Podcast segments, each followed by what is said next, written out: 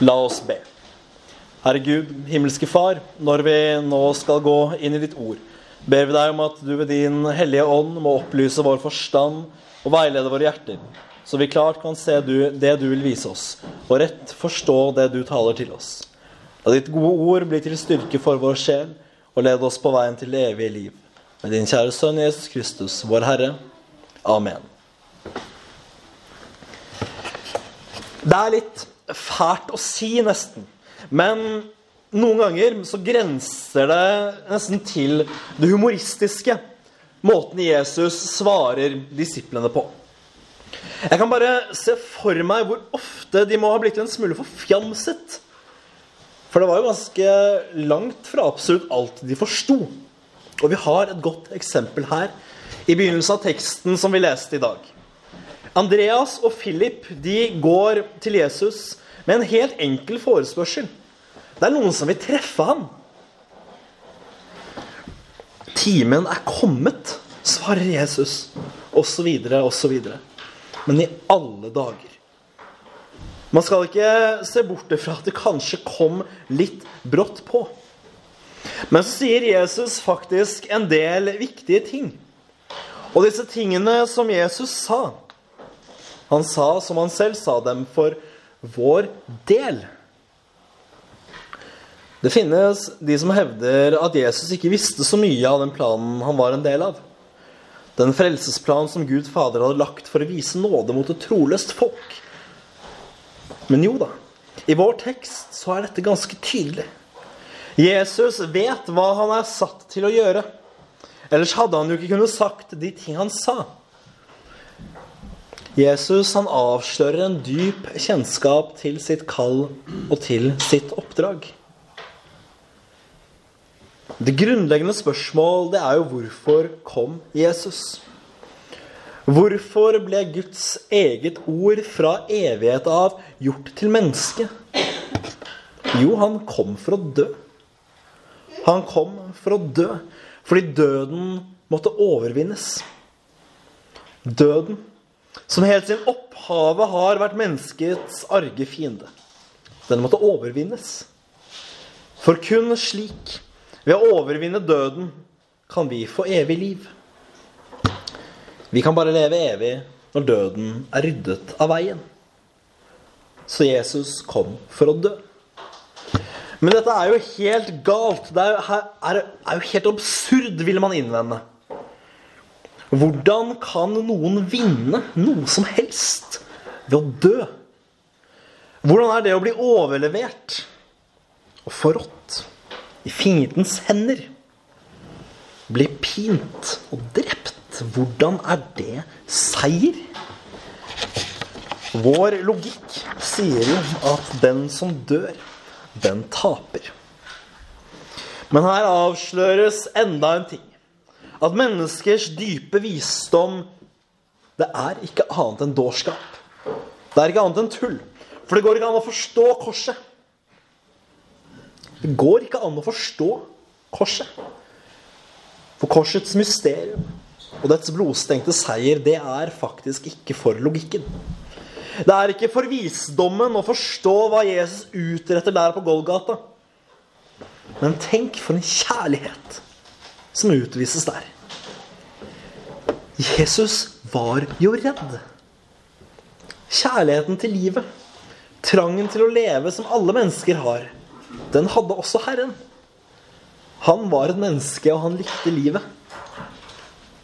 Så var hans sjel fylt av angst. Hans sjel var fylt av angst. Og denne angsten som vår kjære Jesus var fylt med, den er vondt nok vår skyld. Hvorfor? Jo, fordi som han selv sier, til denne timen var han kommet. Til denne timen var han kommet for å dø. Overgitt i synderhender skulle Jesus Kristus selv lide og dø. Han gjorde det av kjærlighet til deg og meg. Det er det viktigste. Og han gjorde det for å frelse syndere. Han kom for å fri oss og frelse oss fra Guds vrede. Og for å sette alt i stand igjen. Og denne visshet om at Jesus kom for meg, den burde utløse to responser, eller to svar i oss. To, beve to bevegelser, to følelser. For det første det vonde. En form for dyp sorg. Grunnen til dette er at det er din synd som naglet Jesus til korset. Det er vårt opprør mot Gud som tok livet av Jesus. Dette måtte skje ene og alene fordi vi mennesker er opprørske. Vi er troløse syndere som ikke vil vite av Han som har skapt oss og gitt oss alt godt. Vi spotter, håner og hater vår himmelske Far. Vi har pådratt oss hans vrede og dom. Og straffen, den vil vi unngå. Og derfor måtte Jesus dø. Men denne sorgen den burde følges av en like dyp og grunnfestet glede. Og gleden den bør også overskygge sorgen. Hvorfor? Fordi Jesus gjorde dette alene av nåde og kjærlighet. Kunne ikke Gud, den hellige og rettferdige, bare droppet alt det her? Bare dømt oss nord og ned? Jo, det er klart han kunne det. Og det ville vært vår fortjeneste alene, og han kunne gjort det med retten i behold. Men gjør han det? Nei. Han har Jesus Kristus død for oss. Han har Jesus Kristus død for deg. Gud selv blir menneske og smaker døden. Han vinner for oss evig liv, som vi fordeler ved troen på ham. Det er stort, og det skjer av nåde og kjærlighet. Og for en trofast kjærlighet Gud har vist oss ved Jesus. For en trofast Gud. For en nådig Gud.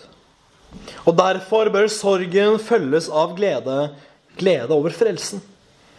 For i troen på Jesus er vi frelst, og synden og døden har ikke lenger makt over oss. Men glem aldri hva den kostet. Glem aldri at frelsen kostet din kjære Jesus alt. Og denne dobbeltheten den bør alltid følge den kristnes vandring. Sorgen og gleden. Sorgen over synden og gleden over frelsen. For hva er det som skjer hvis vi slutter å sørge over synden? Ja, da virker det ikke så ille. Da virker det ikke så ille, det vi gjør. Og vi mister av syne hva det kostet. Vi mister grunnen av syne. Vi må daglig sørge over våre synder fordi våre synder knuser Jesu hjerte. Og det var våre synder som knuste hans kropp. Vi må sørge over våre synder fordi det er sorgen over våre synder som leder til omvendelsen og troen. For når vi sørger tilstrekkelig over våre synder, da vil spørsmålet lyde hvordan kan jeg så bli frelst?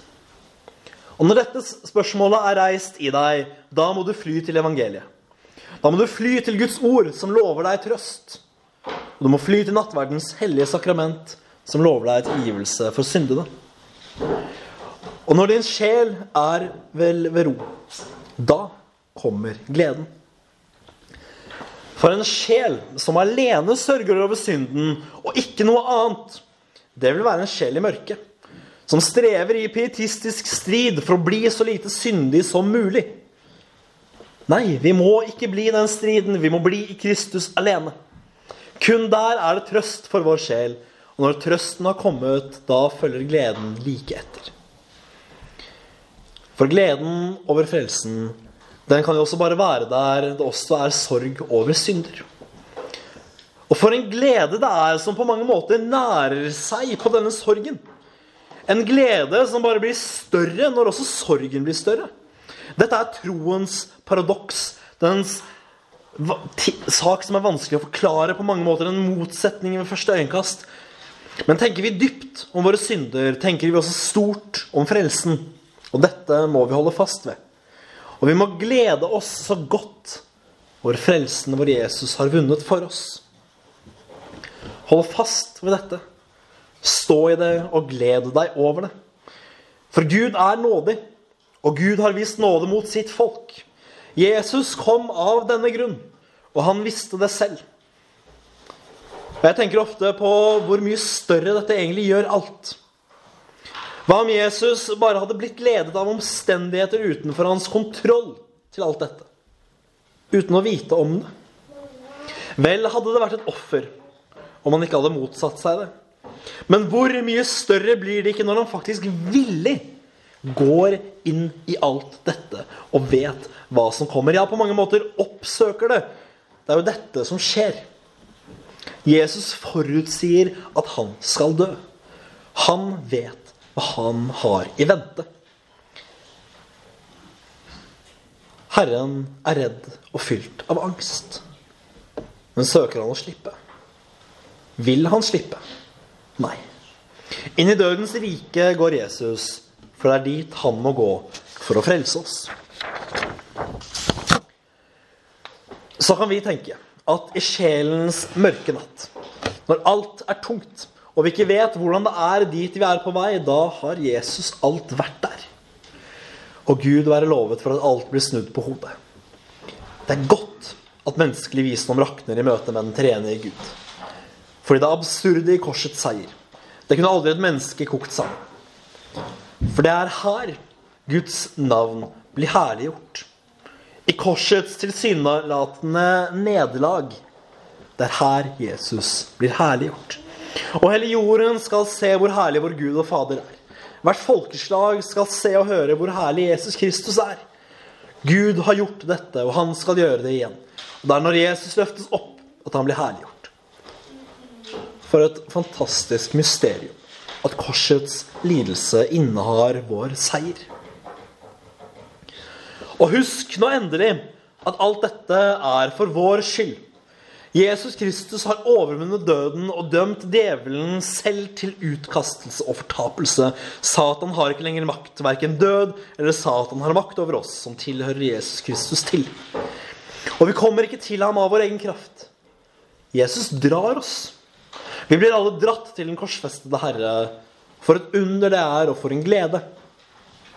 For det er ved dette at vi kan ha frelsesvisshet. Ikke at jeg selv har vunnet min egen frelse, men at Jesus Kristus har dratt meg inn til seg. For jeg er ikke sterk, men det er han. Jeg er ikke mektig, men det er han. Den korsfestede, pinede frelser, han er mektig, han er seirende. Han lever og regjerer. Hør korsets mysterium. Gud selv overgikk til synderhender for å dø. Dette har beseiret død og djevel og vunnet deg det evige liv. Hør det og tro det. La gå om du ikke forstår det. Gi opp ditt krav på å være vis og klok på menneskers måte, men stol på at Herren Gud har forordnet alt slik det skal være. Og aller viktigst av alt tro på den Herre Jesus Kristus. Ære være Faderen og Sønnen og Den hellige ånd, som var, er og blir en sann Gud fra evighet og til evighet. Amen. Thank you.